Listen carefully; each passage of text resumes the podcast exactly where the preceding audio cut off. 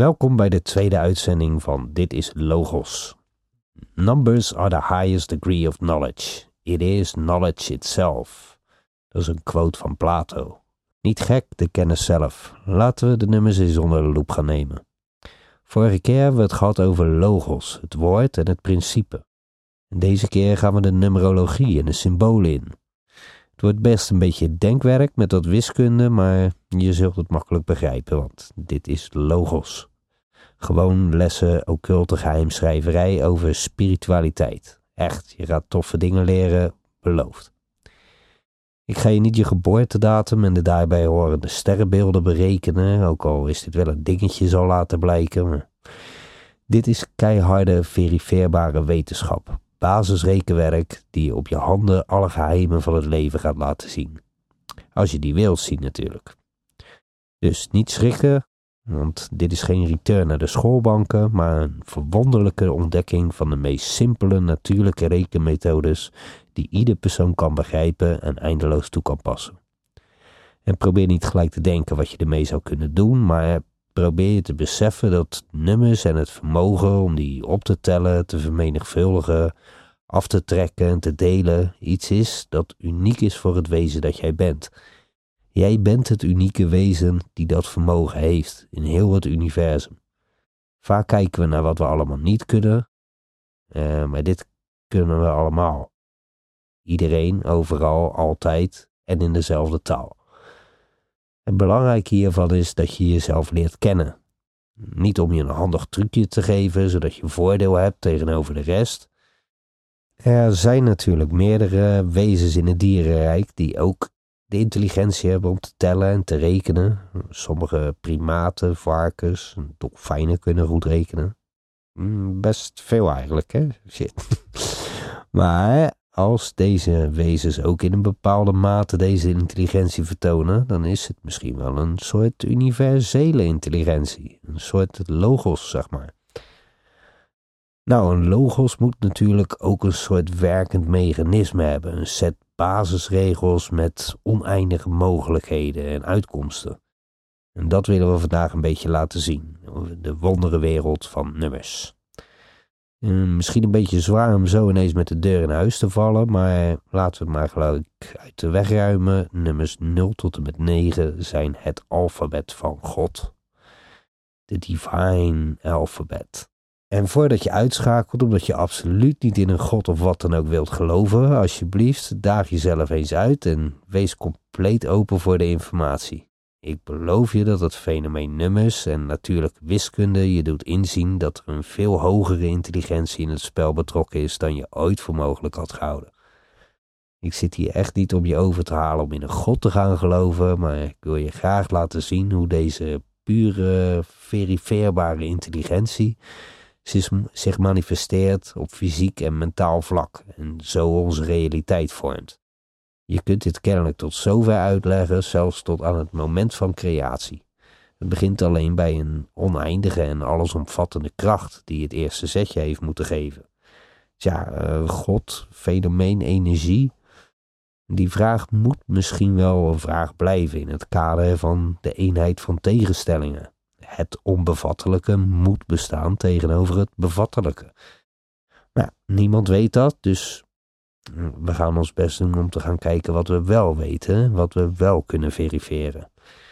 En dit zit in ieder geval een heel stuk strakker in elkaar dan die Big Bang-theorie, heb ik ervaren. Blijf luisteren. Jo, ik probeer dit zo spannend mogelijk te maken, want uh, ik vind dit echt een geweldig onderwerp en dit wonder natuur. En ik zou het heel tof vinden als meer mensen dit oppakken. Dan gaat er volgens mij echt een nieuw tijdperk open voor de mens. Het is niet alleen een beetje rekenen en zo wat ik wil laten zien. Deze pure natuurlijke wetenschap, het kabbalistisch rekenen, is er sinds het begin der tijden.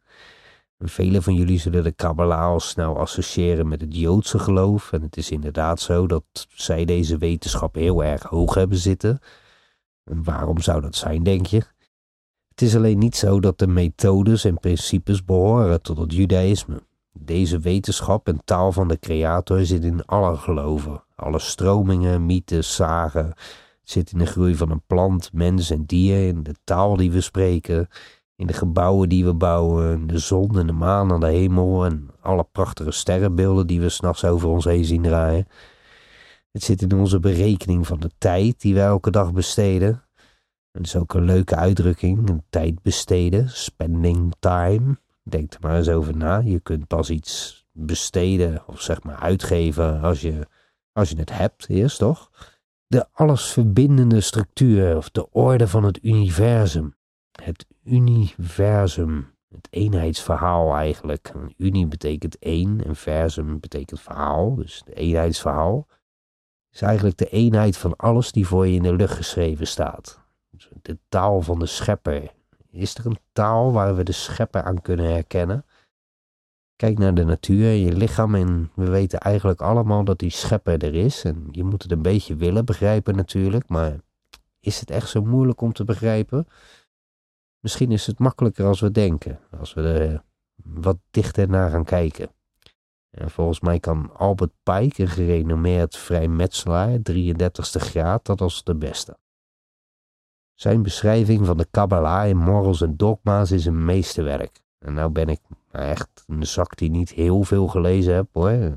Eigenlijk best weinig, moet ik eerlijk zeggen.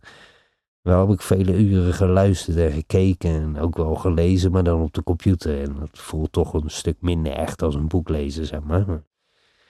Uh, dit stuk tekst geeft echt een perfecte samenvatting van het fenomeen Kabbalah en vertelt je ook gewoon waar je deze wijsheid kan vinden. Uh, ik heb hem vertaald vanuit het Engels, dus ik doe hem in het Nederlands voor jullie. Ik denk dat het duidelijk genoeg is uh, in deze taal. In het Engels is hij een stuk ingewikkelder. Een idee is vol bewondering, eenmaal doorgedrongen in het heiligdom van de Kabbalah. Bij het zien van een doctrine zo logisch, zo simpel en tegelijkertijd zo absoluut, de benodigde samensmelting van ideeën en tekenen, de inwijding van de meest fundamentele realiteiten door primitieve karakters, de drie-eenheid van woorden, letters en nummers, een filosofie simpel als het alfabet, diepgaand en eindeloos als het woord. Stellingen completer en helderder dan die van Pythagoras. Een theologie opgesomd door het tellen op je vingers. Een oneindigheid die kan worden gedragen in de leegte van een kinderhand. Tien cijfers en 22 letters. Een driehoek, een vierkant en een cirkel. Dit zijn alle elementen van de Kabbalah. Dit zijn de elementaire principes van het geschreven woord, een reflectie van het gesproken woord dat de wereld creëerde. Hm, een theologie opgesomd door het tellen op je vingers. Nu begrijp ik pas waarom je nooit op je vingers mocht tellen. Alle geheimen van het bestaan zijn er te vinden. Kom op met je nummers, vriend, zul je denken. En gelijk heb je, maar voor we het videogedeelte ingaan, moet ik eerst wat zeggen over de Kabbalah en de meest simpele manier om het alfabet van God te herkennen in onze manier van tellen.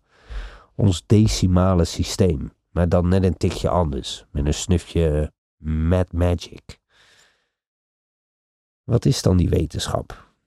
Deze wetenschap leert je het creatieve verband tussen nummers en eenheden en hoe die zorgen voor geometrie, ofwel hoeken en vormen.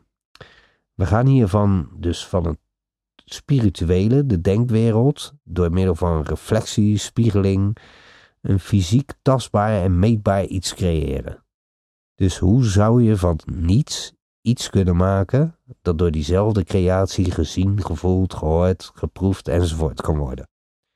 Een realiteit die wij kunnen ervaren met onze zintuigen in de tussenhaakjes, zeg maar, echte wereld. Er wordt de laatste jaren veel gesproken over de Matrix. En stel nou dat er inderdaad de realiteit verstopt zit in de werkelijkheid die wij als echt ervaren. In de film The Matrix worden overduidelijk de Trinity en de Logos aangehaald, zoals ik vertelde in Dit is Logos nummer 1. Er wordt zelfs een referentie gemaakt naar het getal pi, wanneer Neo bij de Grand Architect wil komen. En de hele stad moet dan eerst zonder stroom gezet worden. En ze hebben maar een klein window om dat te doen. En die window is 314 seconden. Snap je? 3,14. Pi. Net zoals de eerste drie woorden van de Bijbel. In the beginning. Drie woorden. 14 letters. 3,14. Pi. Het wordt ons eigenlijk open en bloot verteld hoe deze realiteit is geconstrueerd. Kennelijk moet je om bij God te komen eerst via het nul bewustzijn. Dus helemaal terug naar de basis. De eerste zin van de Bijbel geeft je in principe drie dingen. Eh, pi, net in de beginning, 3.14, pi. En een cirkel en een vierkant, heaven and earth. Wordt gezien in Bijbelkennis als een cirkel en een vierkant. Uh, het vrijmetselaarslogo geeft je de gereedschappen om een cirkel en een vierkant te maken. En natuurlijk de letter G, wat de zevende letter van het alfabet is. Even wachten, hoe duidelijk wil je het hebben allemaal? Ze vertellen het wel, maar je moet wel weten wat ze vertellen. Als je de code hebt om alles terug te rekenen naar de source van de matrix, dan kun je je misschien voorstellen dat die matrix of werkelijkheid ook wel manipuleerbaar is, althans binnen de kaders van zijn basiswetten natuurlijk. Maar als je de echte natuurwetten weet, de basisregels, dan is één oog koning, zeg maar. Die all-seeing eye zou dan koning zijn, denk ik. Zoals ik al zei, ontstijgt dit alle geloven en kun je de wetenschap van de Kabbalah overal terugvinden. Ik heb je vorige keer verteld dat de originele King James versie Bijbel compleet gecodeerd is en deze kabbalistische kennis erin verwerkt zit. Het Engelse alfabet is een heilige taal waarin volgens een zevenvoudig systeem, cijfersysteem, alle letters een numerieke waarde hebben. Zoals sommigen misschien wel weten, is dit in het Hebreeuws en het Grieks en in eerdere talen ook gebruikelijk dat alle letters een uh, numerieke waarde hebben. Vele talen, misschien wel alle, zijn allemaal volgens een code opgebouwd. En deze codes zijn allemaal gebaseerd op een numeriek systeem. En laten nummers nu voor iedereen hetzelfde zijn. En hieraan zien we dat wereldwijd alle talen kunnen worden gereduceerd tot nummers en nummercombinaties. En laten die nummers nou eens in alle talen hetzelfde basisverhaal vertellen. Namelijk het basisverhaal over de kabbalistische elementen waar onze waardevolle polymet Albert Pike het over had in zijn Morals and Dogma. En wie Albert Pike een satanist of de oprichter van de KKK noemt, moet echt beter zijn huiswerk doen, want dit was echt een groot voorvechter voor de vrijheid en hij heeft vele onschatbare kennis achtergelaten voor de mensheid. Kamala vertelt ons over de connectie met het goddelijke en dat de mens met zijn spirituele bewustzijn en zijn fysieke uitingen de brug is tussen het collectieve bewustzijn en de gemanifesteerde werkelijkheid. Alles wat wij in deze wereld creëren komt vanuit onze gedachten. Zonder eerst iets te bedenken is er niets behalve de natuur. Deze natuur groeit en bloeit en vergaat allemaal volgens natuurlijke principes welke een sterke relatie hebben met onze hemellichamen die op onze beurt weer seizoenen en onze waarneming van tijd realiseren. Het is één groot samenspel gebaseerd op een geniaal systeem. Dat systeem zou je eigenlijk moeten ontdekken in dit leven. En dit is wel het minste eigenlijk, toch? We gaan hem hier proberen te ontdekken voor je. Volgens kabbalistische numerologie of Pythagoreaanse reductie kun je alle getallen reduceren naar een nummer van 1 tot en met 9 door ze simpelweg op te tellen. Zo is 14 eigenlijk 1 plus 4, dus 5. 392 is 3 plus 9 plus 2, ook 14, is dus eigenlijk ook 5. Dit maakt complexiteit erg snel simpel, zoals je ziet. Ja, je kunt me nog meer vertellen, zou je zeggen, was het maar zo simpel. Uh, ik begrijp je wantrouwen, maar laten we eens kijken of we deze wetenschap in onze directe realiteit kunnen terugvinden. Kijk naar je handen. Nou ja, eentje dan. Je ziet vijf vingers. Tenminste, over het algemeen. Excuus als je het met minder moet doen, maar de meeste hebben vijf vingers. Vijf vingers die bestaan uit veertien vingerkootjes. Snap je? 14, 1 plus 4 is 5. Eigenlijk staat het al geschreven op je hand. 1 duim en vier vingers. 1 plus 4 is 5. Straks in de video-audio meer bijzondere handwetenschap en geloof me, je zult versteld staan. Tja, wat geloof je dan? Iedereen die zegt dat deze telwijze nonsens is, of je bloedeigen kolenschopjes en je gezonde verstand? Kennelijk kan tellen creatiever zijn als we dachten. En eigenlijk kunnen wij ook geen echte wetenschap bedrijven zonder deze creatieve natuurlijke methodes in acht te nemen. Het reduceren van nummers hoger dan 9 is een erg logische manier van tellen en is zoals je vroeger op een telraam rekende. Dit werkt boven 9 wanneer het goddelijke getal 0 weer terugkomt in de reeks en zorgt voor een nieuwe orde of logos van de grootte van het getal. Tientallen, honderdtallen enzovoort. Het wordt steeds heel veel meer, maar eigenlijk komt er alleen een 0 bij, ofwel niets bij. Snap je hem nog een beetje? Nee, niet? Geen zorgen, dat komt vanzelf, let op. Boven de 9 kunnen we alles optellen en reduceren tot 1 tot en met 9. Bijvoorbeeld 10. 1 plus 0 is weer 1. 11, 1 plus 1 is weer 2. 12, 1 plus 2 is 3. 13, 1 plus 3 is 4. 14, 1 plus 4 is 5. Je ziet het, telt gewoon weer verder. 1, 2, 3, 4, 5. Boven de 10 wordt het gewoon weer onder de 10. Als we op een gegeven moment bij 18 komen, krijgen 1 plus 8 is 9 en 19 is 1 plus 9 is weer 10, is weer 1 plus 0. En zijn we weer terug bij 1. Ja mensen, dit werkt oneindig. Probeer het maar eens uit als je niet in slaap kunt vallen, maar je kunt zo blijven tellen en blijven optellen en alles reduceren tot nummers 1 tot en met 9. Dit betekent eigenlijk dat er maar 9 nummers zijn, 1 tot en met 9, en de 0. In het begin, de basis van alles, was er niets, de nul, en de creatie begon bij één, de eenheid. Die alle allereerste toon van licht in de totale duisternis die zorgde voor het licht en tegelijkertijd oneindige dualiteit. De monad wordt als symbool voor de één gebruikt. Dit is een stip in een cirkel. We gaan straks naar de nummers en hun geometrie kijken en dan wordt er hopelijk een stuk meer duidelijk over hoe meetbaar met hoeken en afstanden en onmeetbaar, rond en oneindig zich tot elkaar verhouden in dit numerieke alfabet van de schepper. En waarom de nummer 7 en de nummer 3 hierin een hele prominente rol spelen. As above, so below. Een veelgebruikt mystieke term die aantoont dat de hemel en aarde eigenlijk als een geheel moet worden gezien. Het principe van eenheid door tegenstelling, daar is deze realiteit op gebouwd. Dualiteit. Zonder deze tegenstelling kan er niets in deze beleving bestaan. Zonder kou geen warmte, zonder zon geen maan, zonder liefde geen haat. Moet ik dat eigenlijk andersom zeggen? Alles in deze realiteit bestaat bij de gratie van zijn tegenpol. De balans in deze tegenstelling ligt in onze handen. De tegenstelling kan niet verdwijnen, maar elk van ons afzonderlijk bepaalt in welke mate deze tegenstelling zich manifesteert in de realiteit. Als we op microniveau, dus individueel, de balans van bewust goed en onbewust kwaad iets beter opmaken voor onszelf, dan veranderen we per direct de wereld. Zou deze kennis daarom een beetje verstopt zijn? Oké, nu heb ik wel alles aardig aangekleed voor vandaag en het wordt tijd voor wat visuele ondersteuning, denk ik. De video voor vandaag heet Waar komen nummers vandaan? En dit wordt een feestje, hè? Pak snel een schermpje erbij en vind ons op YouTube. Dit is Logos. Zet de video klaar om af te spelen. En we tellen af vanaf 9, het goddelijke getal van de compleetheid. En volgens Tesla een van de drie nummers nodig om de geheimen van het universum te vinden. 3, 6 en 9. Het is niets meer dan een eenheid van tegenstellingen. Maar daar kom je straks nog wel achter.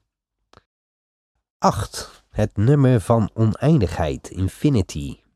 7, het krachtige nummer van de rustdag. 6, het aantal richtingen in de matrix gezien vanuit het midden van een kubus. 5, de principes te vinden op je hand en de ratio van phi vanuit het pentagram. Vier hoeken van een rechthoekig vierkant, waarvan de zijdes voortkomen uit de driehoek. We beginnen bij de start te komen. De driehoek heeft zijn oorsprong in de vesica Pisces, dit zijn twee cirkels die overlappen. Een duad zijn twee cirkels en deze komt na de monad, een cirkel met één stip erin. Eenheid, welke is ontstaan uit een cirkel, een nul dus. Start de video. Welkom bij Dit is Logos aflevering 2. Waar komen nummers vandaan? Om dit enigszins te begrijpen moeten we gaan denken vanuit het oogpunt van de schepper van deze realiteit. Ik zei eerder al dat nummers het alfabet van God was, dus werk met me mee en laten we de creatie eens uitpluizen met metafysische eigenschappen beschikbaar in deze realiteit. Laten we spreken in de taal van de schepper. Metafysisch is voorbij het fysieke, dus in het spirituele rijk, waar alle kennis is te vinden. Plato en Aristoteles waren hier veel mee bezig, voornamelijk om de eerste oorzaken te vinden voor al wat is. De bouwstenen van deze realiteit. Nou, nee, de bouwtekeningen. Oké, vergeet alles wat je ooit hebt geleerd over de creatie en volg mij in de gedachten van een programmeur op de computer die een digitale wereld moet creëren. De King James Version Bijbel zegt: Het was vormloos en leeg. Dus om te beginnen is er niets, nul zeg maar. Deze nul is dus de zetel voor alles. We moeten ergens beginnen dus. Voordat er iets was, was er niets. Logos toch? De nul of de cirkel is een erg apart verschijnsel. Als hoeveelheid is het niets, behalve wanneer je het achter een ander getal zet, dan wordt een 1 ineens tien keer zo groot. De nul is dus niets, maar ook ongelooflijk krachtig. Een eigenschap die uniek is en geen nummer die dit in zich heeft. Je kunt zeggen dat de nul het begin en het einde is, of de alfa en de omega. De drijvende kracht die alle nummers een begin geeft en de kracht in zich heeft om zich tot oneindige grootte te manifesteren. De cirkel vertelt dit je ook. Er is geen punt van begin of eind, deze zijn hetzelfde, en bereken de omtrek van een cirkel met elke diameter en wat blijkt, de verhouding is pi. Altijd oneindig. De Maya's, welke grote wiskundigen waren, die de patronen van de hemellichamen tot op de seconde nauwkeurig konden berekenen, hadden in hun telling een apart symbool voor de nul. Zij begrepen dat er geen telling mogelijk was zonder een plaatshouder voor de rest van de eenheden. Een principe onzichtbaar, ontastbaar, onmeetbaar, die er moest zijn om de geboorte van de eenheid te bewerkstelligen. Het is belangrijk om je te beseffen dat natuurlijke rekenmethoden dit verschijnsel hebben. Zo is een tienvoudig decimaal systeem 0 tot en met 9 en een twintigvoudig systeem 0 tot en met 19. Voor onze tijdmeting geldt dit ook. Anders had je na 23 uur 59 geen 0000. Toch? Logos. Er zijn 60 seconden, maar de telling gaat maar tot 59. We waren bij de heilige nul, dus we hebben nog eigenlijk helemaal niets. Nou, daar gaan we. Als eerste zal een programmeur een principe moeten hebben om mee te werken. In de Bijbel wordt gezegd dat God het licht aansprak. En hoe of wat dan ook, dat was kennelijk de allereerste aanzet tot de creatie die wij nu beleven. Een tegenstelling. Er was nu iets en niets. Dat iets was de eenheid die ontstaan was tegenover het niets. En dat zegt het eigenlijk al. De een was geboren. Computerprogrammeurs weten dat je met een 0 en een 1 een heleboel kunt creëren. Als je de juiste principes toevoegt om die tegenstelling te sturen en te controleren. Een soort metaverse misschien, maar dan nog echter. Oké, met het instellen van een tegenstelling hebben we ook gelijk het begrip grenzen gemaakt. Begrijp je wat ik bedoel? Met een grens bedoel ik een overgang, een punt waarin het ene overgaat in het andere. Het ene is er wel en op Volgende punt is het andere er niet. Dit is erg belangrijk, want dit wordt het begin van het meetbare. We hebben dus nu alleen een puntje wit licht in het midden van je scherm. Dat is niet veel, maar goed begin is het halve werk, zeggen ze wel eens. Laten we dit eens doen. Laten we eens net doen of we een schepper zijn en van dat kleine puntje in het niets een compleet netwerk creëren. Eens kijken hoor, die Bijbel, die had wel iets zinnigs te vertellen in die eerste zinnen. Wat staat er nog meer? God zag dat het licht goed was en hij scheidde, ofwel hij deelde het licht. God divided the light of the darkness. Oké, misschien moeten we gaan delen dan. Tja, het blijkt een eigenschap van de natuur te zijn, dus als je bekend bent met mitose of celdeling, dan snap je al een beetje waar ik heen wil misschien. Het delen van een cel. Het lijkt precies op een monad-symbool, een cel, een cel met een celkern. Hier vinden we een wonder van de natuur. Maar als je het simpel bekijkt, is het eigenlijk alleen een erg slim trucje waarbij je uit heel weinig heel veel kan maken. Laten we een cirkel met een horizontale lijn door het midden delen. We gebruiken dan niets nieuws, maar werken met het ene stipje licht. Dit symbool, een cirkel met een streep erin, zoals een pil die je de midden kunt breken eigenlijk, is de definitie voor pi. Omtrek gedeeld door de diameter. Dit geeft de eenheid twee helften die compleet gespiegeld zijn. De 2 is eigenlijk vanzelf gemaakt door de eenheid te splitsen. Het lijkt wel kernenergie. We hebben hiermee het principe hoeveelheden gecreëerd en zelfs een verdubbelaar. We zouden dus zelfs afstanden tussen twee punten kunnen maken. Dit zou de allereerste verbinding kunnen betekenen in ons programmeerprogramma. We schieten volgens mij al aardig op. Maar er gebeurt iets in het midden van die deling en dit is er heel erg belangrijk. Bij het vormen van twee cirkels uit één cirkel ontstaat de vesica Pisces. De vesica Pisces is een belangrijk symbool uit de geschiedenis en betekent het vaartuig van de vissen, de bladder of the fish. Ook dit principe is vermeld in een Bijbels verhaal en het gaat over het vangen van 153 vissen. Maar daar komt later wel een keer een bod. Het visje achterop vele auto's van gelovigen komt hier ook vandaan. De vesica Pisces representeert de onbevlekte geboorte. De vesica Pisces lijkt ook op het geboortekanaal. Zou dat toeval zijn of gewoon natuurlijke eenvoud misschien? Om de creatie te reverse engineeren, pakken we dus het spiegelbeeld van hoe de creatie tussen man en vrouw tot stand komt. We maken niet iets nieuws uit het samenvoegen van twee tegengestelde, dus een man en een vrouw maken een kind. Nee, we creëren door het delen van een eenheid. We hebben een eenheid en als we die delen, dan krijgen we iets nieuws. Ik heb ook echt moeite gehad om dit een beetje logisch onder woorden te brengen hoor, maar ik hoop dat je mij een beetje kunt volgen.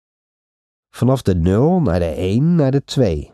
En eigenlijk nog in het proces van het delen ontstaat de allereerste geometrie van verschillende driehoeken. We hebben het hier over de stellingen van Pythagoras. Ja, van die slimme Grieken met die mystery schools. De eerste verbindingen in een materialistische wereld kwamen tot stand uit de deling van een cirkel. Een driehoek is de allereerste polygoon. Dit betekent in de wiskunde of trigonometrie een veelzijdig vlak. En daarvoor zijn tenminste drie verbindingen of lijnen nodig.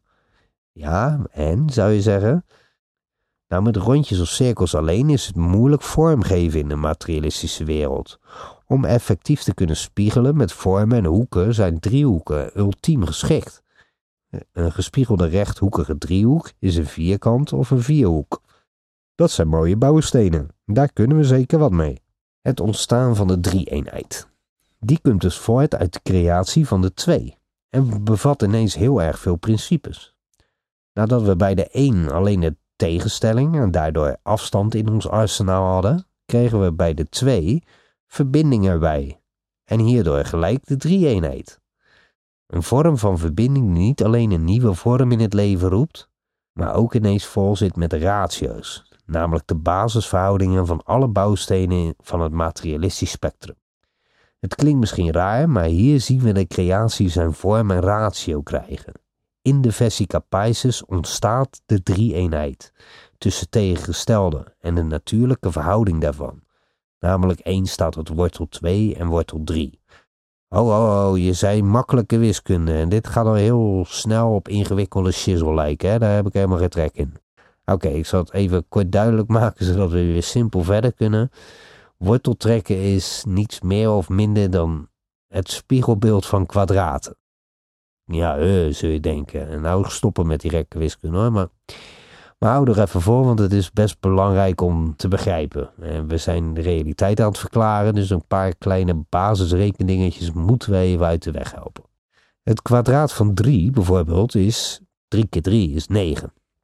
Dit bereik je door een optellen naar 3 en daarna weer af te tellen. Let op. 1 plus 2 plus 3 plus 2 plus 1 is 9. 3 keer 3 is 9.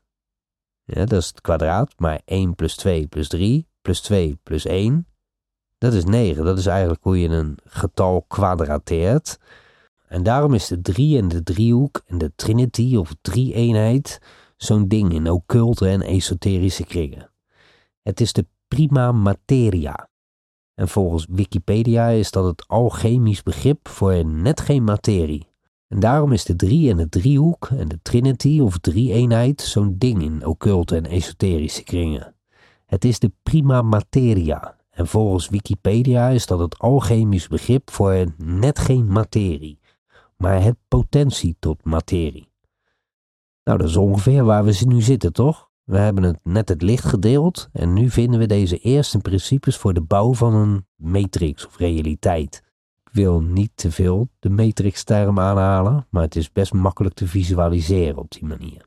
We kunnen met deze kennis nu delen, vermenigvuldigen, optellen, aftrekken, worteltrekken, kwadrateren, verbindingen maken en afstanden meten. We hebben hoeken met verschillende graden. We kunnen zelfs locaties bepalen en voorspellen. Hiermee is volgens mijn simpele breintje de eerste mogelijkheid tot het beleven van tijd mogelijk, namelijk met een heden, een verleden en een toekomst. De heilige drie-eenheid, de Vader, de Zoon en de Heilige Geest. Vishnu, Shiva, Brahma, Isis, Osiris, Horus.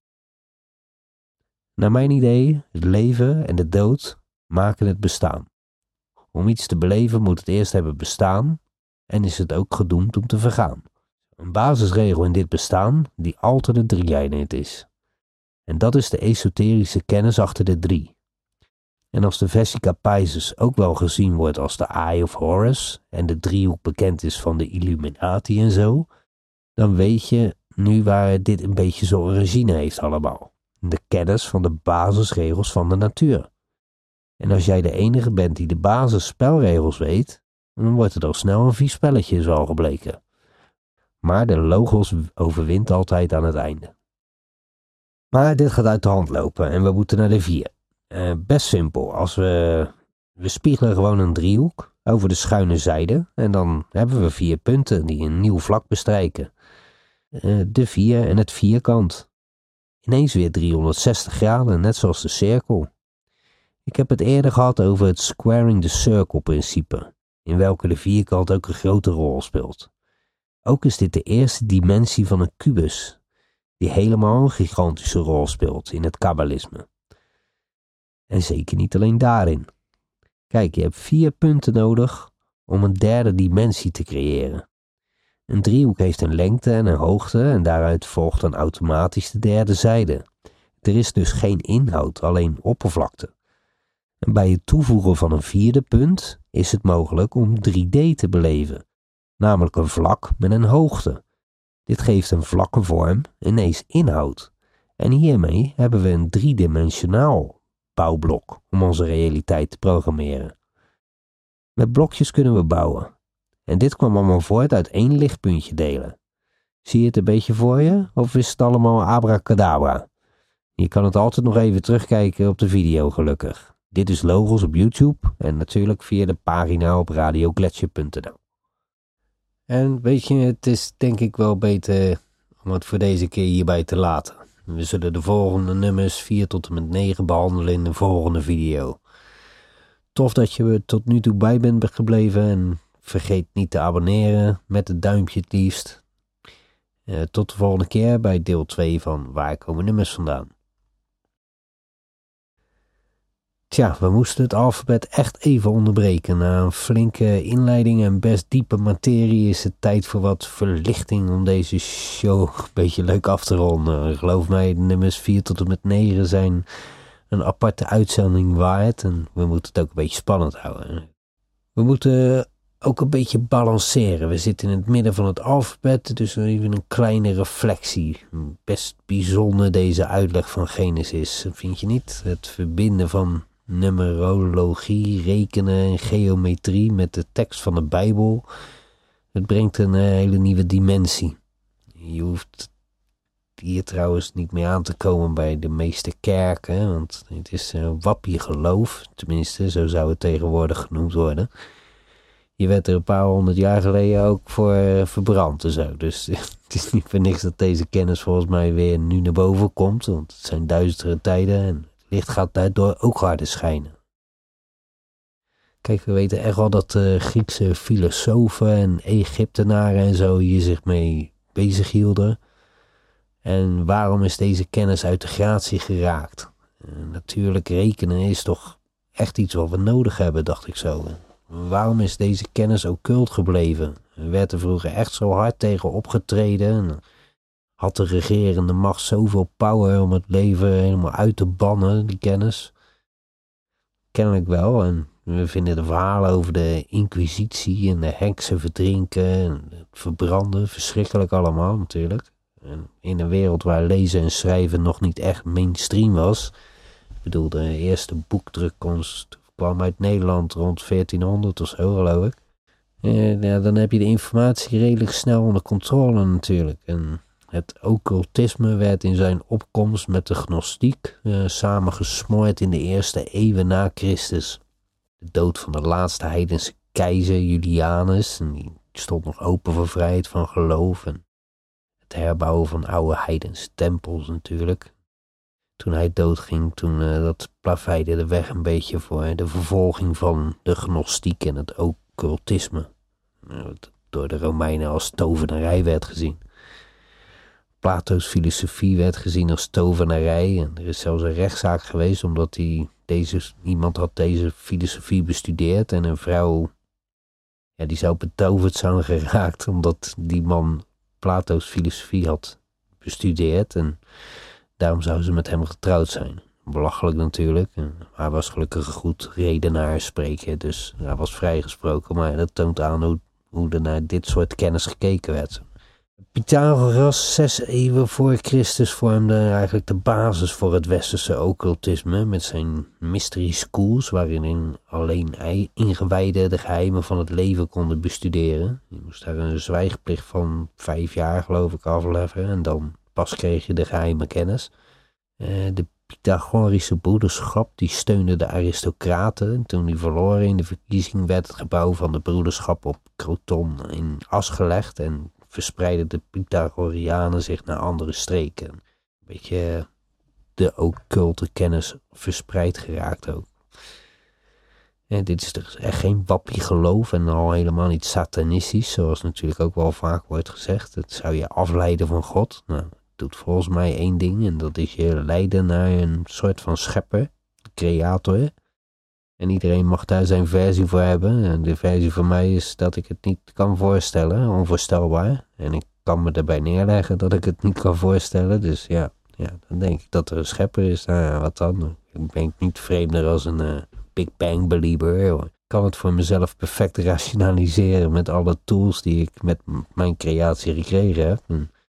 Ja, dat is volgens mij een beetje logos, het zien van de creatie zoals die is. En ook al weet je dat je niet alles kan weten over hoe het werkt. Het is een fantastisch samenspel van nummers en geometrie die het mogelijk maakt in ieder geval.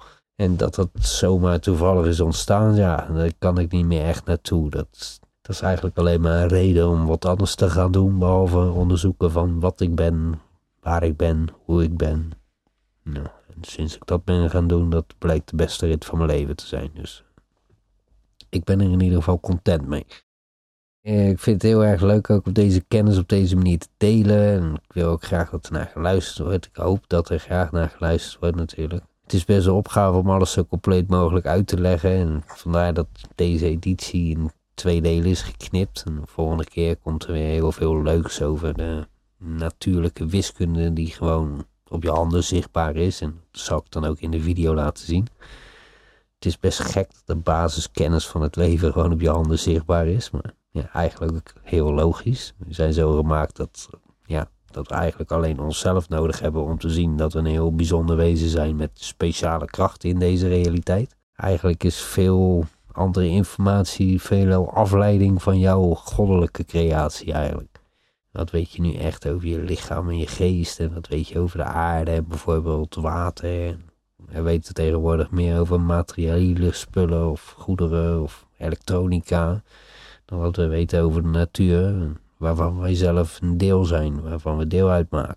We zijn een natuurproduct dat onder invloed van natuurwetten en natuurlijke cycli een bepaald doel moet bereiken voor de voortgang of misschien wel vooruitgang van deze leefomgeving. Zeg maar. Dat is eigenlijk alles wat de natuur altijd doet. Ja, het zorgt voor iets anders in de natuur weer om verder te leven. Dus je wordt geboren en ja, je zou je automatisch willen voorplanten. Tenminste, zo lijkt het te werken. Hierna weer stof en terug naar de aarde, zeg maar. We zijn een natuurlijk proces, dus ook dat proces heeft zijn tegenstellingen. En we hebben dus ook een doel in het spirituele rijk. En zou dat doel dan weer die eenwording zijn van waar, waaruit alles is ontstaan? Of is er misschien een soort van spirituele hergeboorte die plaats zou moeten vinden in het spirituele lichaam? Hoe zou je dat bereiken dan? Ja, allemaal mooie vraagstukken waarvan de kerk en geloven liever niet willen dat er over nagedacht wordt. Het volgen van de dogmatische regels en principes en alles erbuiten is heiligschennis. Dus dat is uh, gauw klaar. En ja, ook het, uh, dan heb je ook nog het grote westerse atheïsme, dat voornamelijk ja, door de geslaagde wetenschapsindoctrinatie al helemaal nooit in staat zal zijn de geheimen van het leven te onthullen. Al komt kwantumfysica aardig in de buurt van de millennia oude wetenschappen dat alles één is en verbonden. There's nothing new under the sun, zeggen ze wel eens. Deze doet al duizenden jaren hetzelfde en zal dat nog duizenden jaren blijven doen.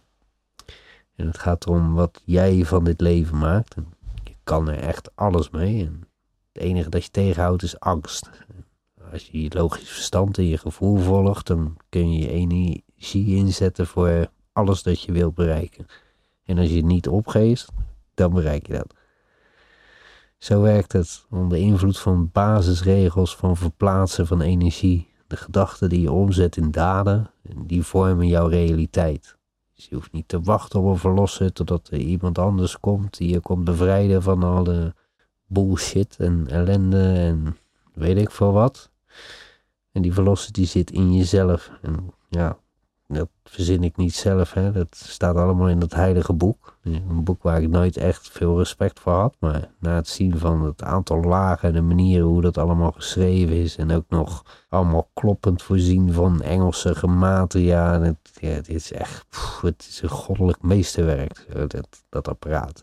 Dan moet ik er wel bij zeggen dat het juist een vorm van manipulatie is, maar op een wijze die kennelijk nodig is om deze kennis over duizenden jaren heen te tillen en, en ook veilig te stellen. En misschien is het zo wel dat het verstopt moet zitten om moeilijk bereikbaar te zijn, omdat dat het pad is naar het verkrijgen van de kennis, zeg maar, een soort initiatie. Maar velen zeggen natuurlijk dat de Bijbel helemaal is uitgekleed en gewijzigd. En dat spreek ik ook helemaal niet tegen. Maar als je gaat kijken wat er wel allemaal in staat. Dat is genoeg om te beseffen dat deze kennis waarschijnlijk het allerkostbaarste is dat er op deze aarde bestaat in mijn ogen. Dus volgende keer, dit is Logos, waar komen nummers vandaan, deel 2. Ik hoop dat je er weer bij bent. Dankjewel voor je aandacht en een hele fijne dag verder.